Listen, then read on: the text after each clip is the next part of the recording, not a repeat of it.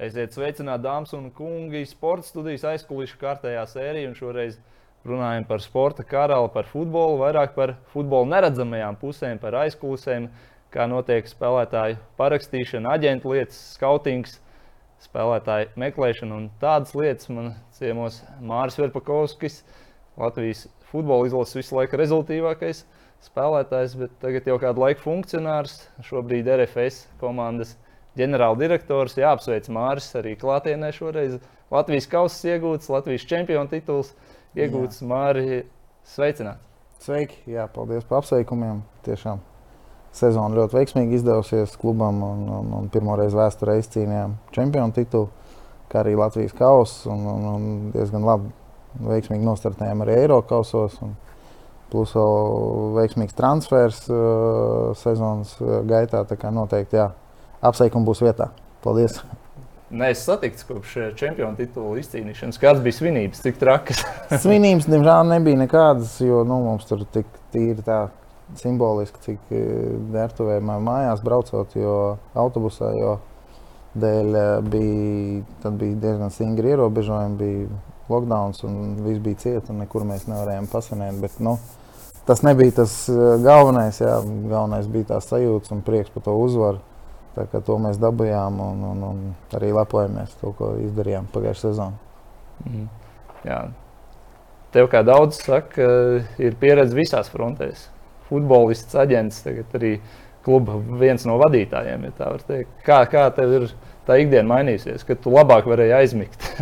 kad bija mazāk stresa, kad tu spēlēji, vai tagad, kad tu vadi klubu? Viennozīmīgi, kad, kā, kad es biju kā spēlētājs, jo tad tev, nu, tā galvenā, principā, galvenais nedēļas notikums, vai, vai jā, nedēļas notikums bija spēle, kurai tev bija jāsagatavojas. Nu, tad, plus vēl gadiem tur jau pieredze bija un, un, un īpaši teiksim, tā nebija tāds pirmspēles drudis, jau zināja, kā sagatavoties pareizi un varēja labi izgulēties un nekāda stresa nebija. Un tad, Interesantākais ir tas, ka esot uz laukuma un tik ilgus gadus, un uh, esot profesionālam futbolistam, it kā likās, ka tu to visu futbolu virtuvi ļoti labi saproti un zini. Tad uh, tas pirmais šoks varbūt bija sākot strādāt, kā, kā atgriežoties jau Lietpājā, kā vairāk kā funkcionārs un nevis kā spēlētājs. Tad, kad vajadzēja saskarties ar visu to futbolu otro pusi, kas ir ārpus laukuma tad uh, bija varbūt mazliet tāds šoks, cik daudz vispār lietas notiek ap futbolu un cik daudz lietas jāizdara, lai vispār norganizētu vienu komandu vai, vai, vai pat vienu spēli. Ja, tad, tad var teikt, ka tie pirmie mēneši vai tas pirmais gads bija tiešām ļoti traks. Tā skriešana no rīta līdz vakaram un negulētās naktas, un, protams, ka finanses un naudas meklēšana un domāšana visu laiku. Protams, ka bija, tas bija daudz, daudz grūtāk nekā sagatavoties vienai nedēļas spēlē, kur par tevi viss padomāts. Eh, gan organizēts treniņš, eh, gan, gan nezinu, pusdienas vakariņas, gan viesnīca. Nu, palielam tev, kas tev ir, tev jāapskatās, cikos, kas tev jādara, cikos jābūt, eh, jāatnāk, jāizdara, un pārējo par tevi viss tika padomāts. Tad otrā pusē futbolam. Uh, tas ir daudz, daudz sarežģītāk, jo to visu to nodarbojas, organizē un dara.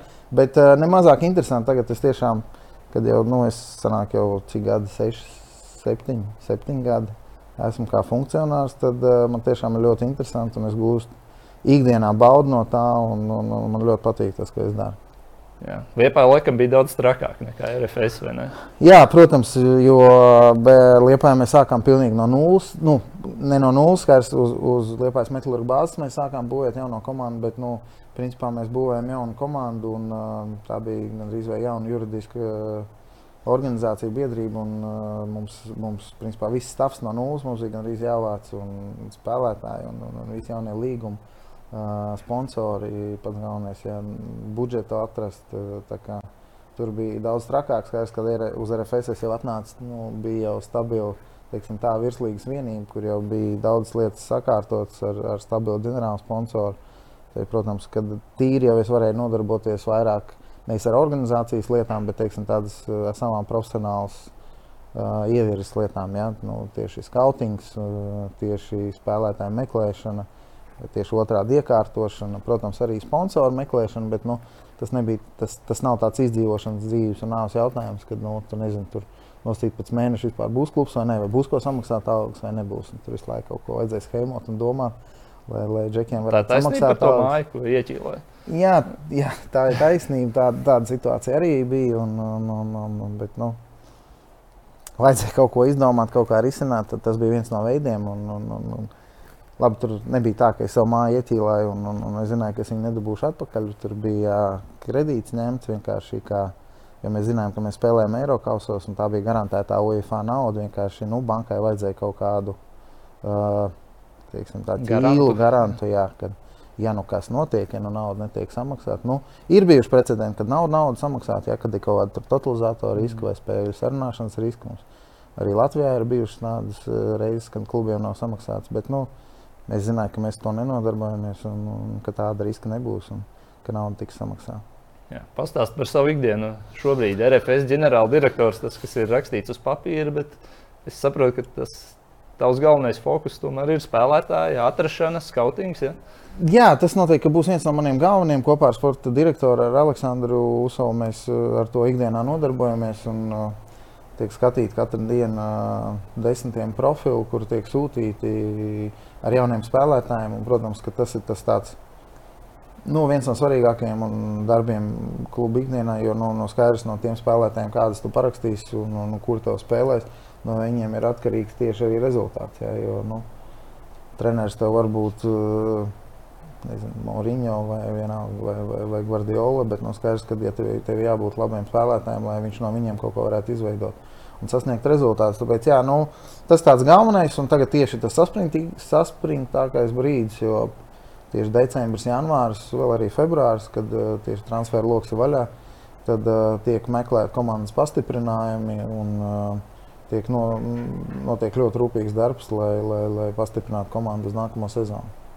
Jā, tas saka, šis ir saspringtākais laiks, un Rīgas darbiem arī jāpieskarās. Jūsu konkurenti lielākie, nu, vismaz šīs pilsētas ietvaros, tikko piesaistījuši nu, treneri ar ļoti lielu vārdu. Nu, iespējams, vairāk kā spēlētājiem uzvarējuši Champions League. Viņš ir Torstens Finks. Kā tu uz to no malas vari skatīties? Kad tev konkurenti pieskaista tādu speciālistu, ar ko tas varētu būt saistīts? Kā vispār pie tāda speciālista varētu tikt? eh, Vai tas vairāk ir mārketings vai, vai tiešām sportiskais princips? Vairāk? Nu, nu, noteikti, gan, gan, bet nu, es, tomēr negribu, nu, es tomēr uzskatu viņu par ļoti labu speciālistu. Viņš tomēr ir strādājis eh, tikko Japānā. Viņu Iniestu viņš trenēja, ja, un, un, un, ja nemaldos, viņš Bāzeli ir trenējis. Un, un, un, Arī nu, Šveices čempions. tomēr Jā, bijis. tomēr ļoti nopietni sasniegumi arī kā trenerim, ja, ne tikai kā spēlētājiem. Tāpēc es ne, negribētu piekrist, ka tas tikai mārketinga triks piesaistot skaļu vārdu, ja, jo viņš tomēr kā treneris arī ir sasniedzis uh, ļoti labus rezultātus. Priekš Latvijas uh, futbola virslīgas es domāju, ka tas ir tikai plus. Un, uh, noteikti tas piesaistīs uh, vairāk um, Eiropas vai pat nezinu, vienkārši ārzemju līdzjutējus vai futbola speciālistu. Mm, skatījums vai interesi mūsu čempionātam. Jo, tas nopiet, tomēr ir nopietns treneris ar, ar ļoti nopietnu vārdu. Es domāju, tas tikai piedos svaru mūsu, mūsu čempionātam. Noteikti tas ir pluss. Arī mums tas ir nu, vēl lielāks izaicinājums apspēlēt Rīgu ar, ar, ar tādu skaļu vārdu, ar tādu skaļu treneru kā, kā Finks. Un, kā Moras šodien oficiālā teica, ka nu, viņš saka, saka, Finks es vēl neesmu apspēlējis. Būs interesanti šī sezona. Un, uh, Es domāju, noteikti, noteikti ka tas ir plus, kad uh, čempionātam tiek piesaistīti tādi skaļi, skaļi vārdi. Cik liela tā vilkme varētu būt? Ja? Arī jūsu spēlēs, un citās virslīgas spēlēs ir redzēts, ka ārzemnieki nāk, tiek Erasmus studenti, turisti arī. Angļi bieži vien atbrauc uz Latviju, jau futbols aiziesim paskatīties. Tāds liels vārds kā Torstens Finks Nu, var piesaistīt arī ārzemju uzmanību. Jā, es domāju, ka Skatītāji, aģenti. Es domāju, ka noteikti, un uh, nu, tā kā tu jau minēji, jau tagad ļoti bieži ir, kad tur atbraucot uz Rīgu, um, turisti uzskata par interesantu atnākt un nostīties Latvijas virslīgas spēli. Tad, nu, iedomājieties, ja tagad tur atbrauks kāds no Austrijas vai Vācijas uh, vai no Šveices, jā, li, ne līdzekļs, pat ne turists. Es domāju, ka viņam noteikti viņš zinās, ka šeit treneris ir Finks. Viņam būs interesanti atnākt uz Latvijas čempionāta virslīgu, paskatīties, tad, kas te ir pa līmeni, kas te notiek, kad te Finks pat trenē. Un, un es domāju, tas noteikti. Uh, nu, Izraisīs uh, papildus ažiotāžu un interesi par čempionātu. Tas noteikti ir plus. Noteikti ir plus. Mhm. jā, ielicam citā tēmā. Spēlētāju piesaiste. Šī starpsezona arī bija interesanta. Kopā ar Viktoru Morozu, RFS galveno treneru Aleksandru Usovu, sporta direktoru. Jūs bijāt Brazīlijā, es saprotu, divas nedēļas, vairākas četras akadēmijas apskatījāt. Pastāstiet, ko tieši jūs tur darījāt? No malas varētu daudziem skatītājiem rasties jautājumi. Jā, nu, aizbraucu nu, uz Brazīliju, bet kāds ir tas fokus, ko jūs tur skatāties? Jā, nu tas uh, priekšstāsts noteikti tas, ka divu gadu atpakaļ es biju Brazīlijā līdzīgā braucienā viena Horvātijas kluba Lokomotīva Zagrebu, kurai tur sāka veidoties sadarbība ar vienu no, no Brazīlijas akadēmijām. Um, vairākām, ne vienu, tur bija jau, mēs jau tad bijām uz vairākām. Un, uh, es biju viņiem aizbraucis līdzi, pēc tam vēl veciem sakariem, man tur labs, labs čoms strādā. Viņš man uzaicināja, man likās tas interesanti, un mēs aizbraucām. Un tad tika uh, teiksim, tā, noskautojām, ja tā var teikt, Emersonu, kurš šobrīd pie mums ļoti veiksmīgi spēlē jau otro sezonu, un tobrīd viņi parakstīja lokomotīvu. Tur viņam, es redzēju, viņš īsti netika pie spēles laika, bet nu, viņš tur bija. Ka, nu, ar viņu reiķinājās, bet man izdevās ar Lokomotīvu vienoties, ka viņš pagājušo sezonu uz īres tiesībām pavadīja pie mums. Tāpēc sezonas mums izdevās vienoties, tā, ka mēs viņu izpirkām no Lokomotīvas. Un, uh, šobrīd viņš ļoti veiksmīgi startēja un palīdzēja klubam uz, uzvarēt gan čempionātā, gan kausā, kā arī Eiropasos. Viņš rādīja ļoti, ļoti labu sniegumu. Un pēc sezonas un jau vasarā pa viņu izrādīja klubi dažādu ārzemju klubu interesi. Pagaidām tas piedāvājums nav bijis tik nopietns, lai mēs viņu palaistu vaļā vai, vai gribētu pārdot. Plus vēl ir tas faktors, ka mums nākošais gads ir Champions League kvalifikācija. Un, nu, Mums jau tāda diezgan liela spēlētāja rotācija notiek, tāpēc mēs ļoti gribētu, lai Emersons arī nākamo to Eiropas uh, Champions League vai, vai pēc tam arī Eiropas līniju, cerams, un, un konferenču līnijas Tagad to ciklu nospēlēja mums, un tad mēs izskatīsim jau varbūt tiešām kādu piedāvājumu un atlaidīsim viņu. Jā, tas bija tāds mhm. diezgan garš priekšstats sanāca, bet uh, jā, nu, braucām ar Morozu un uz, Usovu, braucām meklēt jaunas Emersons, jā, jo nu, tā pieredze mums sanāca diezgan veiksmīga, nevis diezgan, bet ļoti veiksmīga, un tiešām atradām par saprātīgām naudām ļoti spēcīgu komandas pastiprinājumu, vienu no spilgtākajiem čempionāta spēlētājiem. Un braucām meklēt uh, līdzīgus, līdzīgus spēlētājus kā Emersons. Un, uh, nu, Mums acis priekšā varbūt visu laiku ir Champions League klubs Šахtar Donetsk, kurš uh, ļoti veiksmīgi tajā Brazīlijas tirgū darbojās. Un... Pēc tam viss City gandrīz spēlē. Jā, un, un, nu, labi, viņiem ir tiešām ļoti veiksmīgi tā selekcija tur atstrādāt, un viņi gandrīz tur nekļūdās. Un, principā, ļoti daudz spēlētāju, kur mēs pēc tam redzam, spēlē Anglijas Premjerlīgā, gan, gan, gan Chelsea, gan Manchester City. Un, ir, ir nu, Viljams un Fernandinho. Un, un, un, un tur var saukt un saukt. Un Juventusā Douglas arī bija un Bavārijā. Kā, ļoti, ļoti labi spēlētāji. Un viņi arī, kas bija man interesanti šoreiz, ko es uzzināju Brazīlijā, jo mēs iepazināmies tieši ar vienu Šakteru Donetsku galveno skautu, kurš bija ilgu laiku strādājis Brazīlijā viņiem par, jā, par skautu. Un viņš teica, ka viņi ļoti bieži paraksta spēlētājs, kas man bija pārsteigums no U20 čempionāta, nevis no virslīgas čempionāta. Tieši. Mm -hmm. Bet tie spēlētāji brauc patiešām no U20 čempionāta, kas ir pēdējā vecuma grupa Brazīlijā. Un patiešām uz šahķeru. Tur gandrīz viņi pat bez adaptācijas bija daži, kur uzreiz sāk spēlēt un rādīt sniegumu. Jo, ja mēs vēl pirms tam šaubījāmies, vai tur uzreiz spēlētājs var no U20 čempionāta atbraukt un rādīt labu sniegumu, vai viņam tomēr ir vajadzīgs adaptācijas laiks, kāds nezinu, pusgads vai gads, tad viņi, te, viņi teica, ka ļoti bieži spēlētājs patiešām uzreiz nespēlē uz Brazīlijas virslīgā. Pārlecis un spēlēja Šakčēru pamatsastāvā Ukraiņas čempionātā, pēc tam arī Čempionu līgā. Tad tā bija mūsu tā mērķu auditorija, teiksim, tā, vai grupa, kur mēs skatījāmies un skautojām. Jo nu, valsts ir milzīga, futbolu spēlē gandrīz visi, komandu skaits ir nenormāli daudz. Un skaidrs, ka tiem džekiem izspēlējot to U20 čempionātu, viņiem jāparaksta, jāspēr tas nākamais solis, jānospēr profesionālais, jāspēr, jāparaksta nākamais profesionālais līgums jau ar kādu lielo komandu. Nu, un to komandu skaits, cik viņš ir, tik viņš ir, tās vietas visiem nav. Tad, protams, ka tos, Eiropu, jā. jā, tos top džekus skaidrs, ka tur paraksta uzreiz vai no vietējie, teiksim, sērijā klubi. Uh, Otrs, protams, nu, nevis tas otrs, bet teiksim, tas augstākais krējums tiek nosmelts ar Eiropas top klubiem. Ja, tur Porto, Benfica, nezinu. Tāpat Donetska. Tāpat Donetska, ja Donetska starp citu tur ļoti augstu kotējās. Šaktors tur ir Šaktors ir savējie. Ja? Nu, savējie, plus viņš jau tiek pieskaitīts. Nu, tur, ja Barcelona reāls vai Šaktors, viņš gan arī tur, nu, mm. viņš kotējās gan arī vai tikpat augstu. Viņi visi saprot, ka uh, tur tiek dot iespēju viņiem spēlēt, un ka tur pēc gada, divu tu uzreiz var aizbraukt uz top čempionātu. Jau. Angliju vai Spāniju. Nu, protams, ja būs tur Šaktors vai Barcelona, noteikti, izvēlēsies Barcelonu vai Reāli, bet jebkurā gadījumā Šaktors tur ļoti augstu kotējās. Nu, jā, nu, tā mūsu tā mērķa tā grupa, kuru mēs skatījāmies, ir tie, kas paliek. Kā, īsti viņi nesaprot, viņiem vieta nav. Tā kā varbūt sērijā viņi nav aizsniegušies, sērijā B varbūt viņi negrib, vai tas atalgojums ir līdzīgs, ko mēs varam piedāvāt, bet mēs esam Eiropā un tas ir mūsu galvenais plus. Viņiem Latvija tā ir Eiropa. Un, uh, Tas viņiem ir interesanti. Mēs stāstām, ka mums, tur, mums bija offers, mēs pārdevām jā, uz MLS, vai mums bija tagad Limaičs, mēs pārdevām uz Beļģiju. Nākošais gads mēs spēlējam Champions League, un Champions League tas ir viņiem uh, augstākās raudzes turnīrs, kur viņi visu dzīves uh, sapņo spēlēt.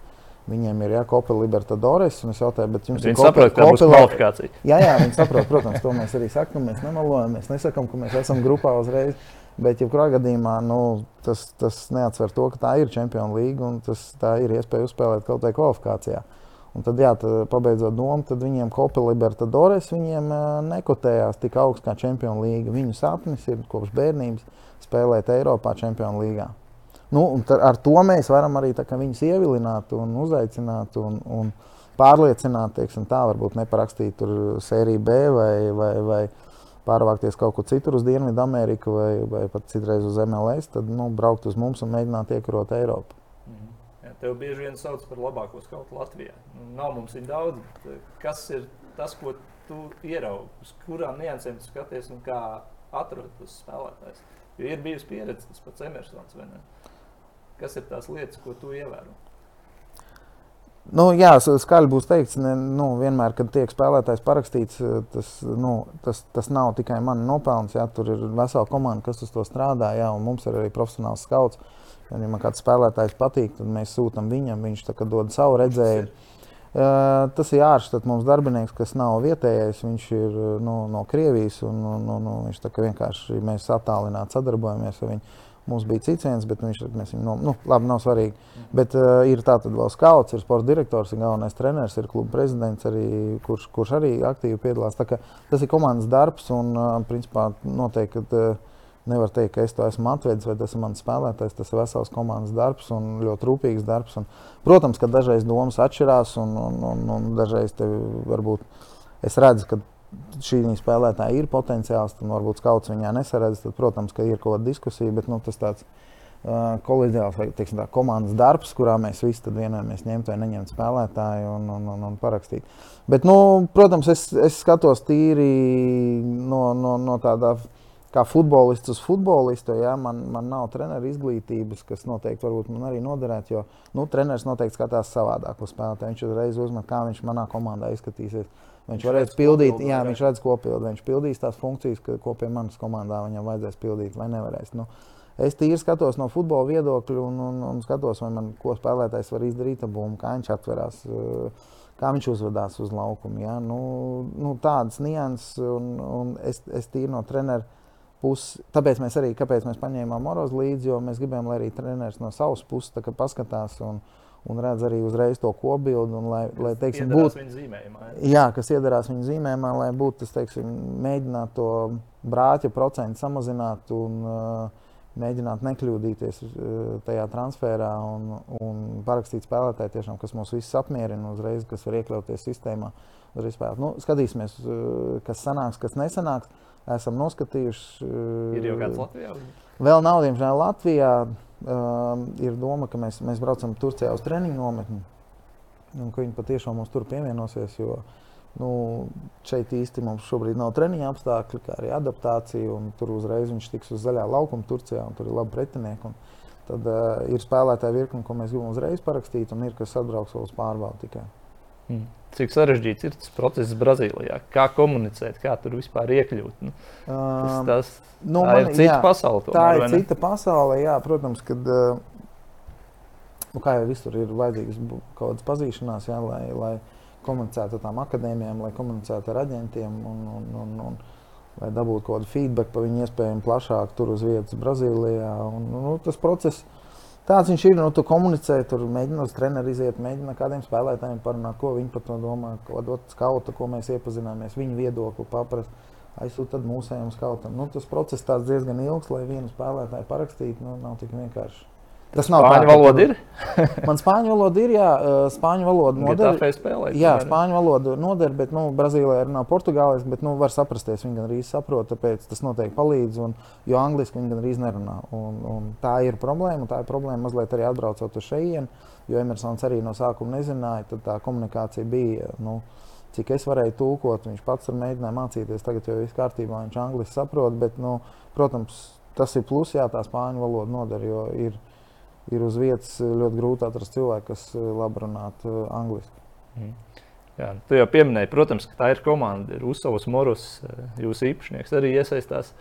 Bet par tevi konkrēti runājot, kas ir tie tavi plusi? Tu pieminēji sakaru pazīšanās. Nu, tu esi tomēr spēlējis Ukraiņu. Horvātija, Azerbaidžāna, Grieķija. Jā, nu, protams, tas, tas pēc... nāk līdzi, tas tev palīdz. Protams, jā, tā bagāža nāk līdzi, un, un, un tie sakari ir saglabājušies un ļoti bieži tiek izmantot kaut vai lai dabūtu kaut kādu feedback ja, pa, pa spēlētāju. Varbūt tieši otrādi, ka kāds man piezvanīja un iesaka, kādu spēlētāju saka, re, ka tur ir parādījies variants uh, savākt labu spēlētāju, un, un, un kad viņi var savākt. Protams, ka tas ļoti noder. Nu, Otrs, laikam, spēlētāju novērtēšanā, nu, tas, ka es pats esmu bijis uh, nu, ilgus gadus uh, profesionāls futbolists. Nu, Man liekas, ka es redzu kaut ko viņā, un, un, un tas, protams, ka es saprotu, ka citreiz varbūt piemēram, kaut kas neizdodas, bet es saprotu, ka doma bija pareiza. Viņš darīja pareizi, un ka nākamreiz viņam var izdoties, un tur būs labs moments vai gols. Un, nu, tādas futbola nianses, laikam, ko iemācīties nevar, to, to, to es, kā, laikam, es redzu, un, un, un tas man noteikti palīdz. Mhm. Cik sarežģīti ir spērt tos nākamos soļus? Ja jūs noskatāt spēlētāju, tad teicat, sadarbojieties ar skautu. Bet, nu, ir dzirdēti daudz dažādu stāstu, ka nu, viņam apakšā ir aģents, klubs. Kā vispār ir iespējams parakstīt līgumu? Cik sarežģīts jā, ir tās sarunas? Tas, tas, ir sarežģītākais solis, posms. Jā, diemžēl tas nākamais solis, nu, tu atrast spēlētāju pat ļoti bieži to ātrāk nekā pēc tam viņa parakstīt. Skaidrs, ka tas nākamais process ir diezgan sarežģīts, jo ir, ir FIFA noteiktās treniņu kompensācijas un, un Tās var būt diez, nevis diezgan, bet tās summas var būt ļoti lielas, jā, pat simtos tūkstošus. Mm. Ļoti tāpēc ir jāizpēta spēlētāja pasi, jāskatās, kur viņš ir spēlējis, jāmēģina vienoties ar visiem tiem klubiem, ka tās kompensācijas nebūs vai, vai, vai viņa būs mazāka. Vai tad tu viņiem piesoli kaut kādu nu, procentu no nākamā transfera. Un tādā veidā mēģina viņus ieinteresēt, kad uh, spēlētājs pāriet pie mums. Uh, Protams, ka tur ir individuālais līgums, un, un, un nākamā problēma, protams, ka vēl ir aģenti. Un, un, un, ja viņiem visiem gandrīz uzreiz ir aģenti, jau tur no 12, 13, 14 gadiem viņi jau tie perspektīvākie tiek parakstīti un jāvienojas ar aģentiem, kas ļoti bieži citreiz ir tā, ka tu principā esi vienojies ar spēlētāju, tu esi vienojies ar klubu, bet tu nevari vienoties ar aģentu un tu neparaksti spēlētāju tikai dēļ tā, ka aģents ir izdomājis, ka viņam šī darījumā ir jānopelna tur, nezinu, tāda un tāda summa. Ja, un klubs nav gatavs maksāt par to, un, diemžēl, spēlētājs nepāriet tikai dēļ, dēļ sava aģenta. Reāli cieši spēlētājs. Reāli cieši spēlētājs. Un, nu, tā ir problēma, ar ko ilgus gadus jau UEFA un FIFA mēģina cīnīties, bet nu, nekādīgi nesanāk tos aģentus ierobežot. Un, ir ļoti bieži arī Eiropas futbolā, nu, kad transferi notiek tikai dēļ tā, ka principā aģents ir izdomājis, ka šajā transferu logā viņš grib nopelnīt uz spēlētāju pārēju. Un, un viņš sāk provocēt spēlētāju pāriešanu. Ja? Un, un, diemžēl tās ir tās futbola aizkulisēs, uh, tumšās. Un, kad uh, nu, klubs nekad nevar būt drošs, kad, kad ja viņš pat ir parakstījis spēlētājs, viņam ir līgums, spēlētājiem, viņam ir līgums uz trīs gadiem, ka aģents kaut kādā brīdī neizdomās nopelnīt. Jo skaidrs, ka pie katras pārējas viņš nopelna. Ja spēlētājs tur sēž, tad nu, viņš sēž, viņš, nu, varbūt viņš kaut kādu procentu dabū, bet nu, tas nav mērāms ar to, ko viņš dabūs, piemēram, veiksmīga transfera gadījumā. Nu, tagad tas pēdējais notikums, piemēram, Lukaku interviju, ko viņš iedeva, ja nu, tikko viņu tika samaksāts 15 miljoni, viņš itāļu mēdījos iedod. Uh, interviju, kurā viņš saka, ka viņš vēl aizvien sapņo spēlēt Interā un, un, un ka viņš negribēja iet prom un ka viņš uh, interesi priekš viņa ir kaut kas īpašs. Nu, arī tiek runāts aizkulisēs, ka tas ir viss viņa aģenta darbs, kur ir aģentu darbs. Noteikti neviens tur ir, kad uh, gribēja izprovocēt uh, janvārī, viņi pārēja vienkārši. Un, un, un tādā veidā arī pārliecinot spēlētāju, nezinu, kā viņi to dara. Nu, noteikti viņiem ir savas metodas. Uh, izprovocēja tādu interviju. Un, protams, ka cieši spēlētājs. Nu, tagad Chelsea viņi, es domāju, ka fani viņu neieredz. Konflikts ar treneru, viņam jāmaksā liels sots. Nu, tagad izskatās, ka viņi atrisināja to jautājumu. Bet, uh, nu, kopumā es domāju, tas ir viennozīmīgais stāv mm, aģentī. Es neticu, ka vienkārši Lukaku pēc pusgada pārējais uz Chelsea varēja izdomāt, iedot vienkārši tādu. Vai nu viņš vienkārši dunduks, un tad, tad tas ir otrs variants. es gribēju teikt, ka tam es diezgan ne, negribētu. Es arī negribētu ticēt, jā, tik... nu, viņš visu paklausoties viņa intervijas, viņš izstāst, izklausās diezgan inteliģents, varētu teikt. Bet, nu, visdrīzāk aģenti vienkārši bija izdomājuši janvārī nopelnīt uz akalu kaut kādu super transferu. Mm -hmm. Kāds ir trakākais gadījums, ko tu vari stāstīt? ar aģentiem. Nu, es pieļauju, ka Āfrikā ir grūtāk ar to tikt galā. Brazīlija laikam ir mazliet sakārtotāk. Bet kādas ir tas trakākais? Es nezinu, mums klubā man laikam nekas tāds nav bijis. Un arī kā spēlētājs neko tādu neatceros. Bet nu, tas pirmais, kas nāk galvā, nu trakākais, laikam, tu pats atceries, ka Ventspīlī mums šeit bija Vai. ar Adeleki. Ja, man liekas, tas Adeleki, bija. Bija jā, Tosinam šķiet bija vienkāršāk. Tosinam bija vienkāršāk. Nu, kad spēlētājs pazuda, runāja, ka ir nolaupīts. Jā, un, Un, nu, policija tika iesaistīta. Un, jo, nu, tā tas ir. Tie, viņš bija bezvēsts pazudis. Viņš bija bezvēsts pazudis, jā, kādu ilgāku laiku reāli neviens nezināja, kur viņš ir. Tas viss tikai dēļ transfera, ko, ko klub, klubam ir, ir tiesības lemt, vispār transfers būs vai nebūs. Un, ja līgums ir spēlētājiem, viņš var pateikt, ka viņš nepāries, ja nu, nekas cits nav atrunāts līgumā. Nu, tad iesaistījās aģenti un, un, un tādā veidā beigās arī atrisināja situāciju. Un, un, un, bet, atradās. Nu, atradās, jā, bet nu, pats situācija, protams, nav normāla. Ja cilvēks pazūd bezvēsts, tiek iesaistīta policija un kādas ir baumas, tur netika dzirdēts, kas tur vispār notika. Ja. Tāpēc, nu, mm. Tā ir tā realitāte, diemžēl. Biežāk tas ir ar Āfrikas aģentiem un Āfrikas spēlētājiem. Nu, tur tā ir normāla praksa. Tur ir tā, ka principā uh, Ja Eiropā, vai varbūt arī Dienvidamerikā mazliet, bet Eiropā tomēr spēlētājs ir tas, kurš nosaka to, ka nu, vismaz mēģina noteikt. Viņam ir galvāts. Jā, jā, vai, jā nu, pēdējais vārds spēlētājiem. Viņš var pateikt, vai viņš grib pāriet, vai viņš negrib pāriet, vai viņš grib algas palielinājumu, vai negrib. Tad tur ir pilnīgi, ja viņš ir aģents spēlētājs, tad aģents nosaka pilnīgi visu.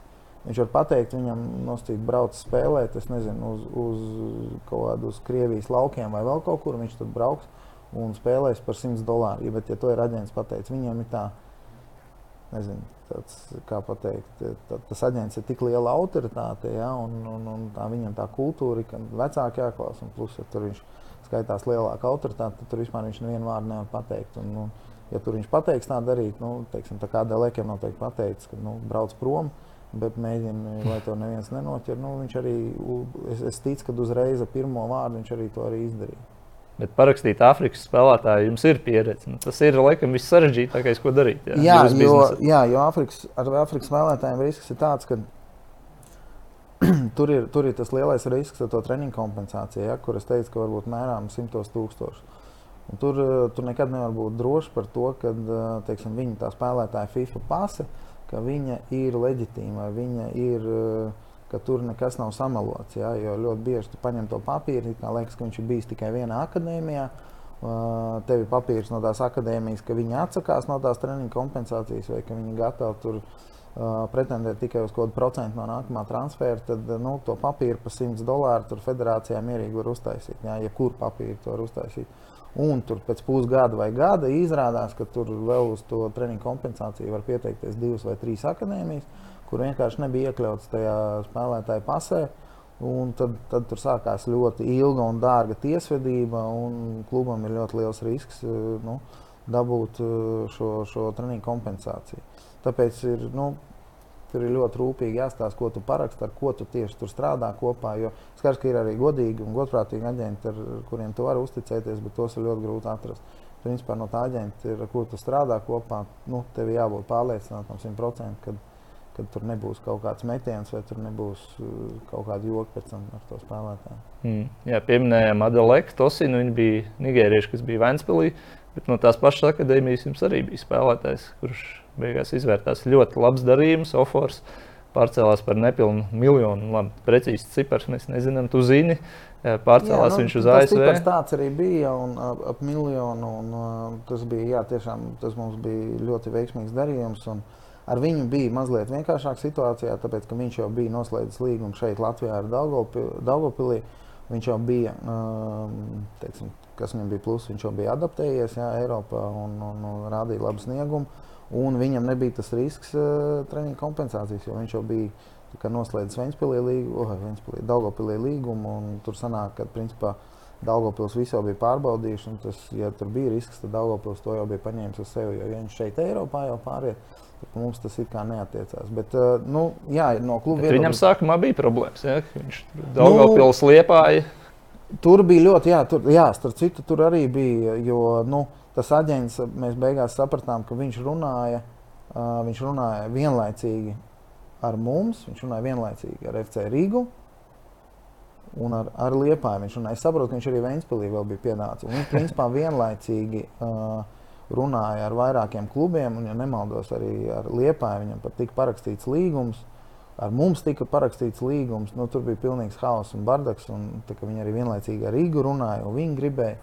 Nu, tas, tāds, nu, tas nav tas labākais piemērs, ja mums tur veiksmīgi viss sanāca pēc tam, bet uh, nu, tā viņa parakstīšana arī bija vesela epopeja, un uh, tas nebija tik vienkārši.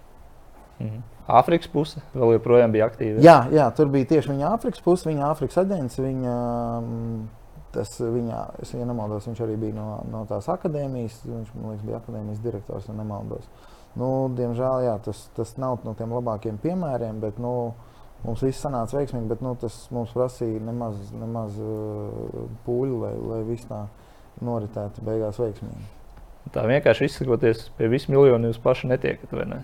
Nē, nē protams, nu, pie paša miljona mēs netiekam. Tur tāpat skaidrs, ka bija aģents un, un iepriekšējais klubs Daugopils, un, un, un, ar kuriem mums vajadzēja noreikināties. Bet, nu, jebkurā gadījumā priekš kluba tas bija tāds lielais, pirmais lielais darījums, un, un, un, par ko mums liels prieks bija, ka mums izdevās. Un, nu, teiksim, tad arī tie nākamie, nu, šogad Lemaičs, nu, skaidrs, tad arī priekš mūsu teiksim, tāda CV, ja var teikt, priekš tāda klubā imidža, tas mums ir ļoti labi. Jo, nu, tieši runājot piemēram ar tādiem nākamiem potenciāliem spēlētājiem no Brazīlijas, vai no Āfrikas, vai pat no Eiropas, jā, ja mēs varam pateikt, ka lūk, mums ir veiksmīga pieredze ar, ar spēlētāju pārdošanu uz spēcīgākiem čempionātiem, tad, protams, tas viņus uzreiz viņiem tas arī liekas interesanti. Viņiem vēl viens pluss, lai, lai arguments, lai pāriet pie mums.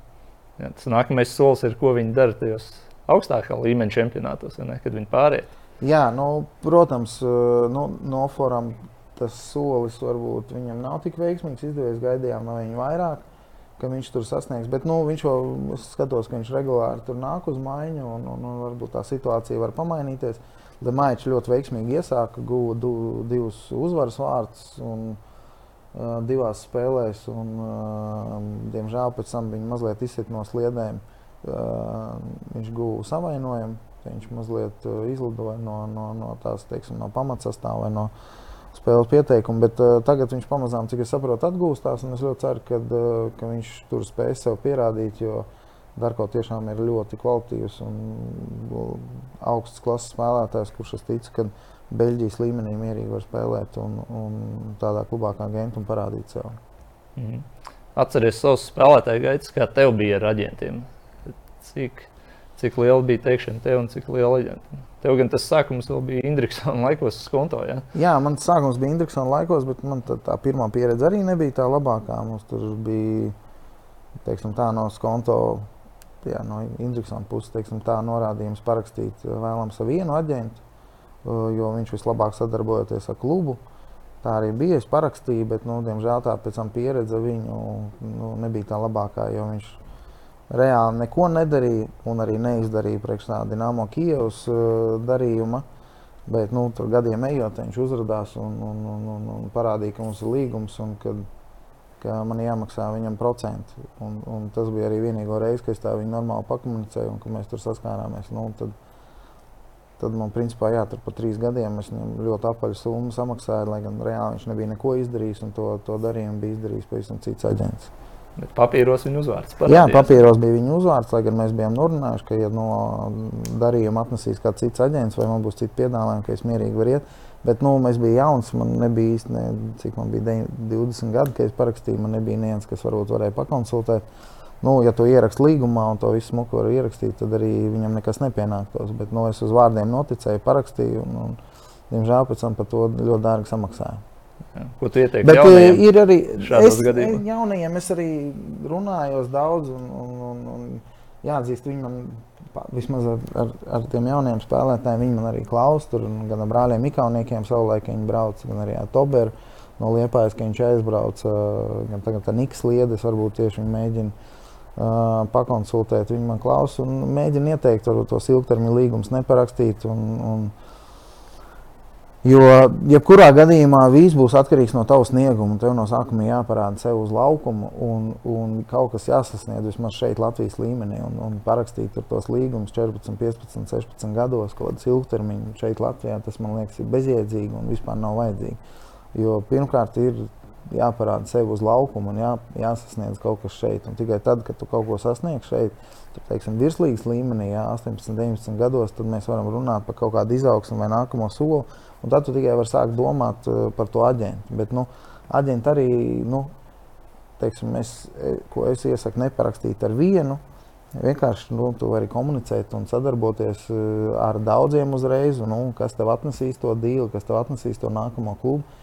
Ja viņš izdara kaut ko priekš tevis labu, un tu redz, ka viņš tur ir godīgs un godprātīgs, tad arī noslēdz pēc tam ar viņu ilgtermiņa līgumu. Bet ierobežot tikai sevi ar vienu aģentu ilgtermiņā, nu, nav nekāda jēga. Jo, nu, ļoti bieži ir situācija, kad nu, atnāk piemēram otrs aģents un viņš saka, ko es tev varu uztaisīt klubu, bet ko viņš prasa, tev ir aģents. Viņš saka, man ir aģents. Viņš saka, nē, nē, tad tu man neesi interesants. Nu, es runāšu ar citu spēlētāju, kam nav aģents. Ļoti bieži ir tādas situācijas, bet es iesaku vienkārši neierobežot varbūt sevi ar to vienu aģentu. Un, un nu, būt atvērtam un galvenā kārta domāt nevis par aģentu, jo viņš jau, viņš jau naudu nemaksās, viņš tev tur pat sponsoru līgums neatnesīs šeit, šajā līmenī. Nu, nav jēgas ierobežot. Galvenais ir tavs sniegums uz laukumu un, un, un, un to, ko tu rādi. Un pēc tam jau uzrādīsies, parādīsies gan, gan piedāvājumi no ārzemju klubiem, un, un, un, un spēcīgākiem, gan arī no aģentiem. Tad tu pēc tam jau varēsi izdomāt. Nu, Bet tāda pieredze pastāv regulāri. Ja?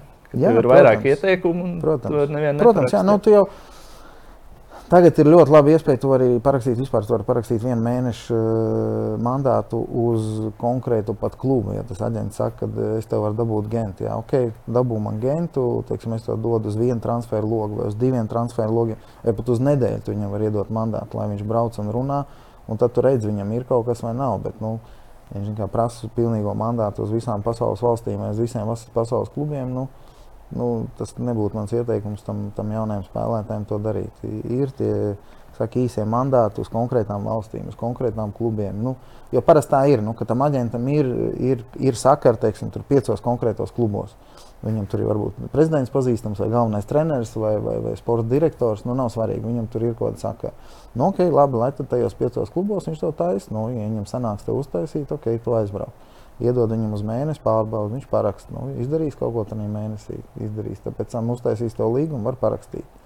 Nu, tā ir mana pieredze, ko es arī pēc tam spēlēju. Lai gan man pēc tam bija, nevarētu teikt, man bija labs aģents, ļoti tāds no Krievijas, liels Germans Kačenko, ar kur man bija ļoti laba sadarbība. Un, Un bez nekādiem papīriem mēs strādājām kopā. Un, viņš vienmēr bija tāds, ja man kāds cits atnes darījumu, šeit nav problēmas. Nu, Vispār savas karjeras ej un spēlē. Tā kā ne visi viņi ir žulīgi. Es tā nevaru teikt, ka viņi visi ir slikti. Vienkārši nu, ļoti uzmanīgi, tīpaši karjeras sākumā. Domāju, tur vairāk jākoncentrējas spēlētājiem uz savu sniegumu, nevis, nevis tur mēģināt atrast. Jo nu, nav neviens brīnumdarbs. Ja? ja tu ne, nespēlē, ja tu nebūsi kaut kas izcils, vai tu nebūsi uz laukuma, tu nerādīsi kaut ko īpašu, tad neviens aģents nepalīdzēs. Nu, jāsāk ja no tā otrā gala. Ja? Nu, tev ir jāparāda tas sniegums, tev ir jāizdara kaut kas, lai par tevīm ir interesi. Nu, tad aģents, ok, tad viņš varbūt ar saviem sakariem var palīdzēt. Bet nebūs nekad otrādi, ka tu būsi kaut kāda viduvējība, ja? vai tu nebūsi šeit Latvijā kaut ko parādījis. Tad tev neviens aģents neuztaisīs Milānu vai, vai Real Madrid.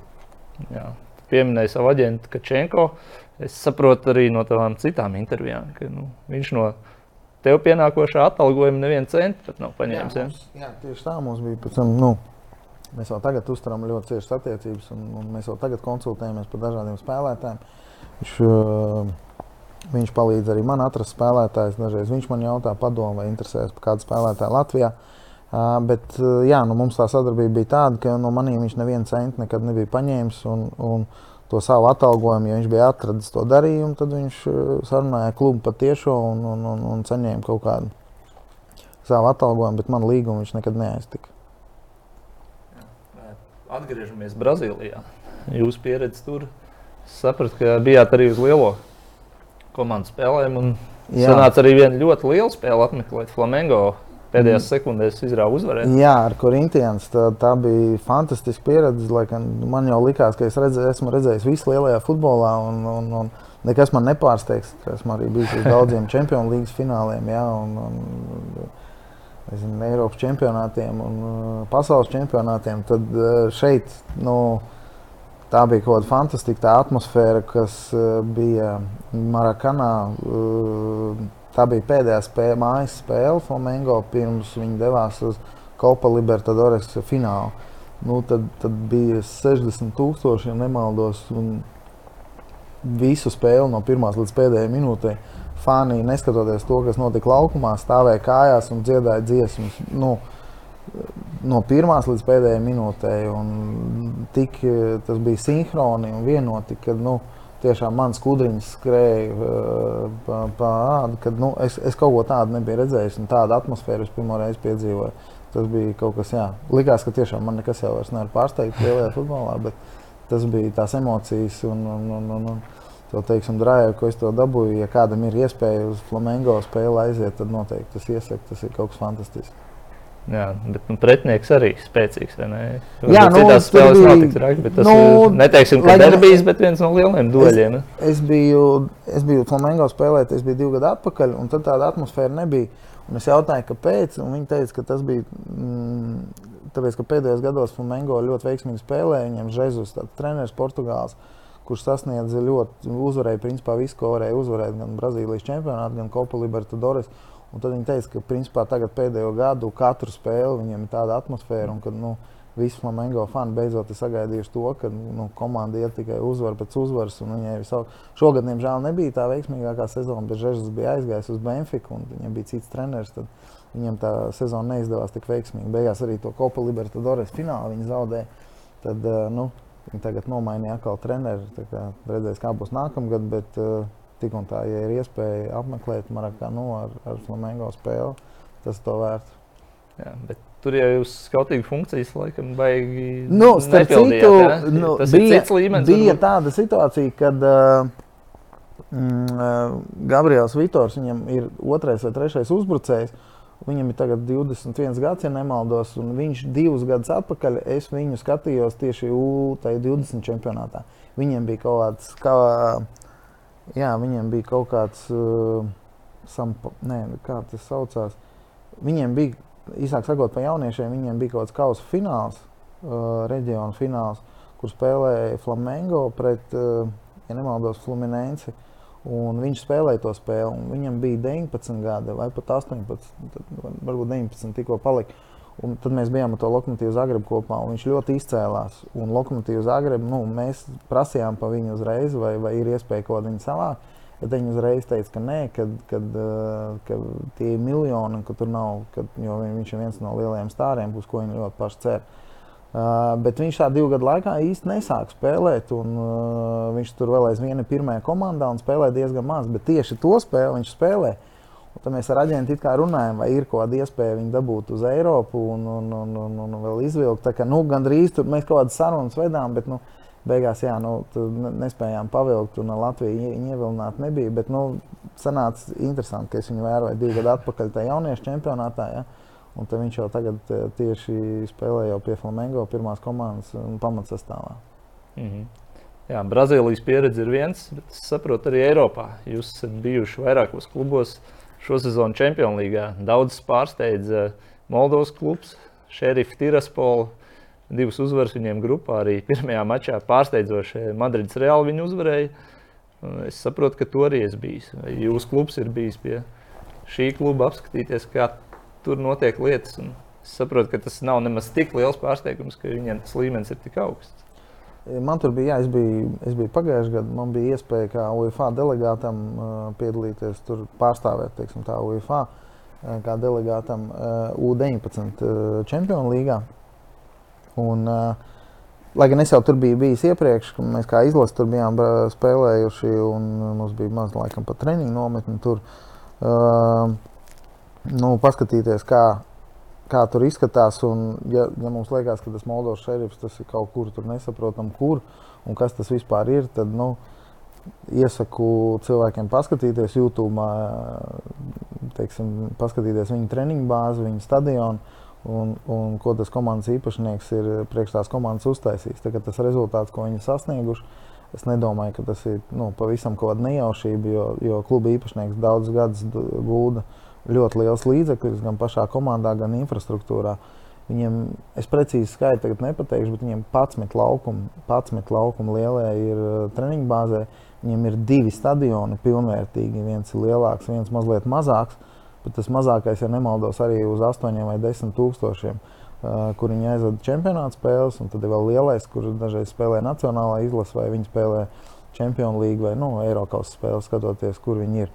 Tāpēc ar, ar, ar internātu, ar viesnīcu, ar, ar slēgto lielo manēžu, tad nu, tā infrastruktūra tur ir fantastiska. Ja es tur salīdzinu, teiksim, kur man bijusi kā spēlētājiem labākie, labākie treniņa apstākļi, tad Dienāmo Kijevu noteikti, ja, kas arī slavena ar to, ka viņiem ir fantastiski treniņa apstākļi. Tad es varu pateikt, ka nu, tur, ir, tur ir vēl labāk treniņa apstākļi. Labāk par Dienāmo Kijevu. Labāk par Dienāmo Kijevu ar, ar, ar vairāk laukumiem un, un tā teritorija tur ir vēl lielāka. Un, kā, jā, tas, tas bija tāds, man ļoti liels pārsteigums. Tad, bet tas, ka viņi iekļuva grupā, Protams, tur varbūt bija kaut kāda apstākļu sakritība, bet nu, es, es ļoti neizbrīnījos par to. Un, un man liels prieks bija, ka viņi arī pirmās divās spēlēs izcīnīja uzvaru pret Šaktaru Donetsku un Real Madrid uh, izbraukumā, ja nemaldos. Mm -hmm. Viņi uzvarēja liekas pirmo spēli. Un, un, un, tieši kad vēl runas gāja par to superlīgu, kad, uh, kur, kur Pēters sūdzējās, kāpēc viņam jāspēlē ar kaut kādiem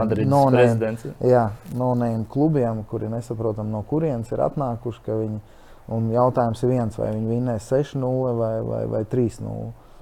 Tas bija burtiski, viņš pateica to, un, un viņi zaudēja nākamo, nākamajā nedēļā zaudēja šerifam. Tas bija, par to bija liels prieks, jo uzskatu, ka Čempionu līga ir jāpaliek tādā formātā, kā ir, un lai viņi ir domāti visiem, visām Eiropas valstīm vai čempioniem, ka ir iespēja vismaz pacīnīties, ja ne tikta pacīnīties, tur iekļūt nu, ko veiksmīgi Moldovas, Moldovas šerifi, Tiraspols šerifs izdarīja. Es pārliecināts, ka tas futbola bums valstī ir noteikti tagad pēc šīs League uh, sezonas. Tur ir nu, futbols noteikti ir, ir, ir top viens ar, ar, ar lielu atrāvienu no pārējiem sportiem. Un noteikti ir jauno futbolistu, piemēram, liels bums, kur noteikti bija trenēties. Un, arī spēlēt pret Real Madrid. Es domāju, ka gadiem tas līmenis tikai tur augsts. Yeah ko var no tās pieredzes paņemt. Eh, jūs būvējat tagad bāzi, Rīga FC būvēja bāzi. Nu, labi, tas nav tas līmenis. Jā. Tas nav tas līmenis. Arī abās bāzēs tur jā, nu, trim laukumiem. Bet, nu, Tik un tā. Uz priekš, ko jūs mērķējat? Tas ir kā piemērs kaut kādā ziņā. Jā, noteikti. Jā, noteikti tas ir kā piemērs. Nu, gribētu jau, protams, uzreiz uzbūvēt varbūt bāzi ar 20 laukumiem un uzreiz ar, ar vismaz vienu lielu stadionu, jā, ar slēgto jumtu. Bet, nu, maziem solīšiem. Es domāju, ka tik un tā tas ir liels pluss uh, Latvijas, ne tikai Rīgas futbola uh, infrastruktūras attīstībā, bet arī visas Latvijas futbola infrastruktūras attīstībā. Ja tomēr galvaspilsētā būs nu, divas nopietnas treniņu bāzes, uh, kur, kur ne tikai virslīgas komandas varēs trenēties, bet arī bērni, jaunieši, kā arī. Nu, tie paši amatieri noteikti būs daudz iespējas. Es tagad pats arī esmu amatieris un zinu, ka ir liels problēmas mums tur veterāniem kaut ko vakarā atrast kvalitatīvu treniņu laukumu, kur patrenēties. It īpaši Rīgā. It īpaši Rīgā, jā, tāpēc eh, nu, tas noteikti būs liels pluss. Es pat varētu pateikt, ka nu, jā, labi, Kaunijā tagad stadions lielais ceļās, un tas ir, protams, no nākamais solis, par ko būtu jādomā gan Futbola federācijai, gan Rīgas pašvaldībai un, un Latvijas valdībai kopumā par to, ka Mēs esam viena no retajām Eiropas uh, galvaspilsētām, kuriem nav mm, kvalitatīvs izlases stadions. Liels, jā. jā, pat Gibraltārā ir. Jā, ne? pat Gibraltārā, Albānijā, Rumānijā. Jā, visur ir uzcelts. Diemžēl Latvija ir viena no tām retajām valstīm, kur nav. Bet, uh, nu, tas ir nākamais solis. Bet, nu, mums, teiksim, es domāju, ka tieši kā treniņa centrs uh, ar treniņu laukumiem. Es domāju, ka nu, Rīga būs Baltijas valstīs noteikti numur viens. Jo, nu, ja Rīga pabeigs, un noteikti pabeigs, un mēs pabeigsim tagad, nu, tādas bāzes, es domāju, ka nekur Baltijā šobrīd nav tūmā. Nu, privātās pavisam noteikti. Pavisam noteikti, bet arī valsts, nu, ne, ne Tallinā, ne Viļņā. Nu, tā, jā, tur ir arī kaut kas nu, vairāk. Jā, nav, nu, tur ne, ir viena stadions. uzpūšamā hala pielikta klāt tam stadionam, nu, viens ārā laukums, bet tas arī viss. Un, un es domāju, gan Rīgas, gan mūsējā treniņa bāzē tas tāds liels solis mums būs. Mēs būsim priekšā gan Igaunijai, gan Lietuvai. Vēl viens piemērs, runājot par akadēmijām, Ajax, Amsterdama. Tur arī jūs esat bijuši. Tā akadēmija liekas, jautājums neprasa. Johans, Johans Krūfs, viss Nīderlandes zieds ir praktiski arī gājis cauri. Nu, Protams, ir grūti salīdzināt, laikam, bet nu, tā akadēmija ir slavena tomēr un produktīva. Nu, jā, tā noteikti ir. Tā ir tā, tas ir tas modelis, es domāju, Ajax modelis ir tas modelis, uz ko gribētu tiekties daudzi, daudz, daudz, daudzi klubi Eiropā. Tas tāds ļoti labs piemērs, kad nu, viņiem katru gadu, es nezinu, laikam komandas sastāvā tur nezinu, 8, 9, varbūt dažreiz pat vairāk pamatsastāvā spēlētāji no, no savas akadēmijas. Jā, nu, Noteikti tas ir tas, ko arī RFS gribētu darīt. Skaidrs, un viņi arī mēs, sasniedz rezultātu. Un viņi arī sasniedz rezultātu. Jā, un, ir, un, un vēl pie tam viņi katru gadu pārdod. Nu, ne katru gadu, viņi varbūt kādu gadu izlaiž, bet nu, viņi, viņi, viņi, jebkurā gadījumā viņi katru gadu vismaz vienu, divus transferus ļoti izdevīgus viņi veic, un, un viņi paši sev atpelna. Es pat teiktu, ne tikai atpelna, viņi arī pelna to. Un vēl aiz to, vēl aizvien viņi sasniedz labu rezultātu. Protams, tas tāds fenomens, ko. ko laikam ir ļoti grūti atkārtot, jo tas būtu tik vienkārši. Tad es domāju, visi mēs to darītu un tādā veidā arī mēģinātu uzbūvēt. Tur ir daudz nianses, protams, ko, ko ļoti grūti pārnest uz Latviju. Ja, un, un, un, un teiksim, kaut vai tie paši talanti, kas viņiem tur ir uz vietas. Ja, jo, nu, uz vietas Nīderlandē dzīvo ļoti daudz rasu, gan afrikāņu iedzīvotāji, gan iebraucēji, no, no, no kurienes tik vēl. Protams, tāpēc viņiem tās asins tur ir daudz, un tie, tie talantīgie spēlētāji daudz vairāk. Protams, kā arī tradīcijas daudz lielākas, un, un, un ieskaitot Kroifu un, un visu Bastens un Gulits, ieskaitot. Nu, viņiem futbols vienmēr ir bijis sirdī, un, un, un tas, tas, tas ir pavisam, tā ir reliģija, tur ir futbols, tas ir pavisam savādāk. Bet jā, nu, tas ir tas modelis, protams, uz ko arī mēs gribētu sniegties. Un, Tagad arī mēs atvērsim to jauno treniņu bāzi, un uz, tā bāzes, teiksim, uz tās infrastruktūras bāzes mēs arī mēs taisām savu akadēmiju. Par to mums arī būs paziņojums kaut kad drīz. Un, nu, tas mērķis ir jā, gatavot caur to, caur to akadēmiju pēc iespējas vairāk. Sāksim, nu, sākumā ir RFS pamatsastāvs spēlētājs, un ar laiku arī cerams, ka Latvijas izlases spēlētājs. Jā. Kas ir tās nianses, ko tu vari pastāstīt? Ajax akadēmijā, ko tur var ieraudzīt, kā viņi strādā. Vai, nu, nu, Visi jau varbūt ir... to zina, bet kāpēc viņiem sanāk? Kas ir tas viņu modelis, kā viņi to panāk? Nu, protams, ka viņi pirmkārt visu nestāsta līdz galam. Jā. Otrakārt, nu, tāds, es, ko es jau kaut kur pieminēju, ka, kad, ka, viņi, ka viņi nespiež uz kvantitāti, jā, ka viņi spiež uz kvalitāti. Viņiem ir katrā vecuma grupā, viņiem ir viena komanda, Un, un tie ir 20 spēlētāji, ar kuriem viņi arī ļoti kvalitatīvi strādā. Nu, ļoti, ļoti rūpīgi strādā. Un, protams, ka uz viņu tur ir nenormāla konkurence un atlase, lai uz turieni tiktu. Viņi lasa ne tikai valsts labākos. Viņi, ja? protams, viņi savāc ne tikai valsts labākos, es teiktu, bet no, no visām. No visām Uh, principā viņas kautings ir pa visu Eiropu, un, un, un, un viņi meklē jau tos jaunos talantus. Tur, uh, Tagad, okay, tagad ir FIFA ierobežojumi. Tu no Eiropas var tikai 16 gadu vecumā pāri savākt spēlētāju. Un no citiem kontinentiem 18 gados. Iepriekš viņi to vācu sāk darīt nu, daudz ātrāk. Jau. Bet, nu, protams, tur ir viņiem tas pluss, ka nu, ļoti daudz ieceļotāju no, no, no, no, no Āfrikas valstīm arī ir, kur jau tur dzīvo uz vietas. Nu, tad viņi arī tur jau ir teiksim, asimilējušies tur, un, un, un tā aklimatizācija jau ir tāda ar Eiropas mentalitāti, un tad viņus viņi tos labākos savāc un ieliek tajā savā skolā, un, un, un, un pēc tam ir arī rezultāts. Nu, tas tāds DNK, kas viņiem jau asinīs un ko grūti varbūt mums pārnest uz šejienu. Ja, to, to, to, to mēs nekad šeit nedabūsim. Bet, protams, ka mums jātiecās uz to, jāstāsta varbūt kādām niansēm, kā tieši viņi tur strādā. Uz ko viņi tur liek uzsvaru. Nu, nu, nu, protams, mēs tur daudz idejas paskatījāmies un mēģināsim to darīt. Bet, nu, pilnībā tā pārnest, nu, to, tas nav iespējams, jo tad to visu izdarīt, pārnest. Un katrā valstī būtu savs ajaks, kurš tik veiksmīgi spēlēt ar saviem audzēkņiem Čempionu līgā un sasniegt rezultātu. Mhm. Kas vēl ir tie piemēri? Interesanti dzirdēt, ka jūs daudz ceļojat. Āfrika, Brazīlija, Eiropas pieredze. Kur, kur vēl jūs smēļaties? Iedvesmu, piemēru, kā, kā jūs nonākat līdz tām vietām, kur jābrauc paskatīt.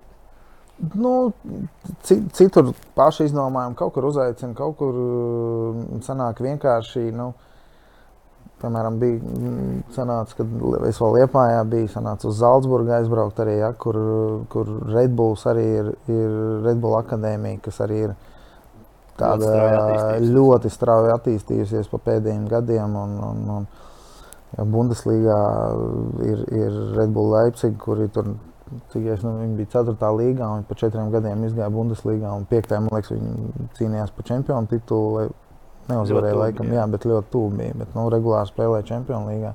Nu, tas bija ļoti tāds, uh, interesants, uh, interesants pieredze, pavērot viņu akadēmiju. Bet nu, tad es arī redzot viņu akadēmiju, kurā tas īpašnieks tikai bērnu jauniešu akadēmija bija to infrastruktūru uz, uzcēlus viņiem par 100 miljoniem. Viņiem izmaksāja, ja, kur ir iekšā laboratorijas, kur ir iekšā pilns. Uh, GPS kameras, kur, kur jau no bērna, tur, nezinu, no 12 gadiem viņiem ir GPS un visu datu analīzes un sēž analītiķi. Un, un, un mazajiem saka, ir, teiksim, ir video taktiskie uzdevumi, kur viņiem rāda, kur ir jāskrien un, un, un kā ir jāatverās un kā ir pareizi jāspēlē. Un, Tur esot trenižera zālē, viņam uzreiz tiek ņemts asins un, un, un, un skatīties, skatās, vai viņam slodzi pa lielu vai pa maziņu, ko viņam vajag pielikt. Un, kāda vitamīna viņam jādzer. Nu, tur vienkārši tas ir kaut kāds kosmos, ko, ko nu, bez, bez tādiem lieliem finanšu līdzekļiem nemaz nevar nemaz izdarīt. Protams, ir kaut kādas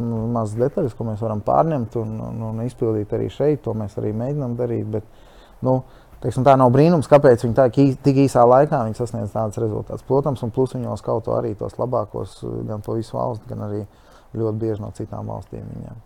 Mm -hmm. Bet eh, RFS bāzē arī plānojas internāts. RFS, jā, tas ir tā, tā, tā būs nākamā kārta, kas vēl nākamgad, no, šogad vēl nebūs, un visdrīzāk arī nākamgad nebūs. Bet uh, mēs plānojam, jā, tā teiksim, otrā kārta būs tāda, mums būs tribīna pamatīgi, kur iekšā jau būs arī būs, uh, gan trenižera zāle, gan, gan, gan arī pasāīgās ģērbtuves, un uh, tur vēl visādas papildu telpas un fizio un, un, un, un, un tā tālāk. Tad tā nākamā kārta ir jā, mm, jau tāda, kur būs iekšā, principā tāds tā mazais olimpiskais centrs, kur būs gan basketbola zāle, gan uh, atjaunošanās telpas uh, futbolistiem, nu, ne tikai futbolistiem, sportistiem, restorāns, ēdnīca. Un, un arī internāts viesnīca. Un tad komandas pilnvērtīgi varēs atbraukt uh, gan uz treniņu nometni, tur uztaisīt, gan arī būs noteikti jaunie futbolisti, kurus mēs mēģināsim nu, sākt ar vismaz no Latvijas, vākt tos talantīgākos un kur dzīvos tur uz vietas. Bet nu, tas, tas tik drīz nebūs, tam vēl, tam vēl vajag pacietību mazliet. Bet nu, tas tāds 3, 4, varbūt pat 5 gadu plāns, ko mēs, ko mēs gribam izpildīt. Mm -hmm. Jā, tas uh, īsāk termiņa plāns ir Champions League. Mēs uh, vairāk, vairākas reizes pieskārāmies Champions League. Jāapsveic arī jūs ar tojošos debiju. Kā tu uz to raugies? Nu, šobrīd tā taciņa čempioniem ir gan pateicīga, lai nokļūtu tās Eiropas skatuves. Atceramies, pagājušajā gadā Rīga FC bija nu, pusmetra attālumā, metra attālumā. Tā bija ļoti tuvu. Un, jā, nu, noteikti, ka Flora mums visiem parādīja ļoti labu piemēru, kā to var izdarīt. Jā, nu, to, ejot to ceļu un caur Champions League. Uh, viņš ir šobrīd ļoti pateicīgs, jo tas čempions zars, viņš tev paver iespējas pacīnīties par par uh, iespēju iekļūt vismaz konferenču līniju grupu turnīrā. Bet, nu, tas arī priekš mums, un es domāju, kopā visas Latvijas būtu liels sasniegums. Un, nu, mēs ļoti ceram par to uh, pacīnīties. Mums ir mazliet sarežģīts fakts, ka mums vēl nav tik liels tas UFO ratings. Nākamgad mēs vēl mm, visdrīzāk mēs nebūsim sētie, izsētie, kā šogad bija FC, pagājušajā gadā bija FC Riga. Uh, jo tas pavēr, protams, mēs, jā, mums, mēs ļoti atkarīgi būsim no no uh, izlozes. Un, protams, ja mums pretī stāsies uzreiz kaut kāds ļoti spēcīgs pretinieks, un, un tur var uzreiz izlozēties ļoti spēcīgs pretinieks. Tad tas mazliet, mazliet tas samazina diezgan, diezgan daudz uzreiz tās iespējas e, pacīnīties par to konferenču līgu grupu turnīru. Jo, Sanāk, ja tu, ja tu, ja tu pārvarēji Champions League vismaz pirmo kārtu, tad tev ir vēl divas spēles Eiropas līgā, kur tur ir iespēja vēl pacīnīties uz priekšu. Un, ja tu tur zaudē, tad tu jau esi tajā konferenču līga playoffā. Jā, nu, tad, ļoti, ļoti svarīgi būtu to pirmo kārtu, vismaz Champions League kvalifikācijā pārvarēt, tad tev pavēr daudz lielākas iespējas. Bet, ja kurā gadījumā pat izkrīt tur pēc tam lejā, pēc tam tu, tur jau vēl tu vari cīnīties tajā konferenču līgā. Nu, noteikti, ka mūsu mērķis tāds arī ir. Uh, nu, uz, uz vasaru mm, dabūt gatavu to komandu tādu, lai viņi varētu pacīnīties. Nu, šobrīd ar to ļoti aktīvi nodarbojamies. Nu, Pastīsimies, kā jaunie Emersons sev parādīs okay, lai izdodas parakstīt jaunos Emersonus, piesaistīt citus spēlētājus, un tad jau lieliski debija Champions League. Paldies! paldies. Okay, paldies, Mārka, ka veltīji laiku. Paldies skatītājiem un klausītājiem, ka veltījāt mums laiku. Tiekamies jau citās sporta studijas aizklausēs. Visu labu!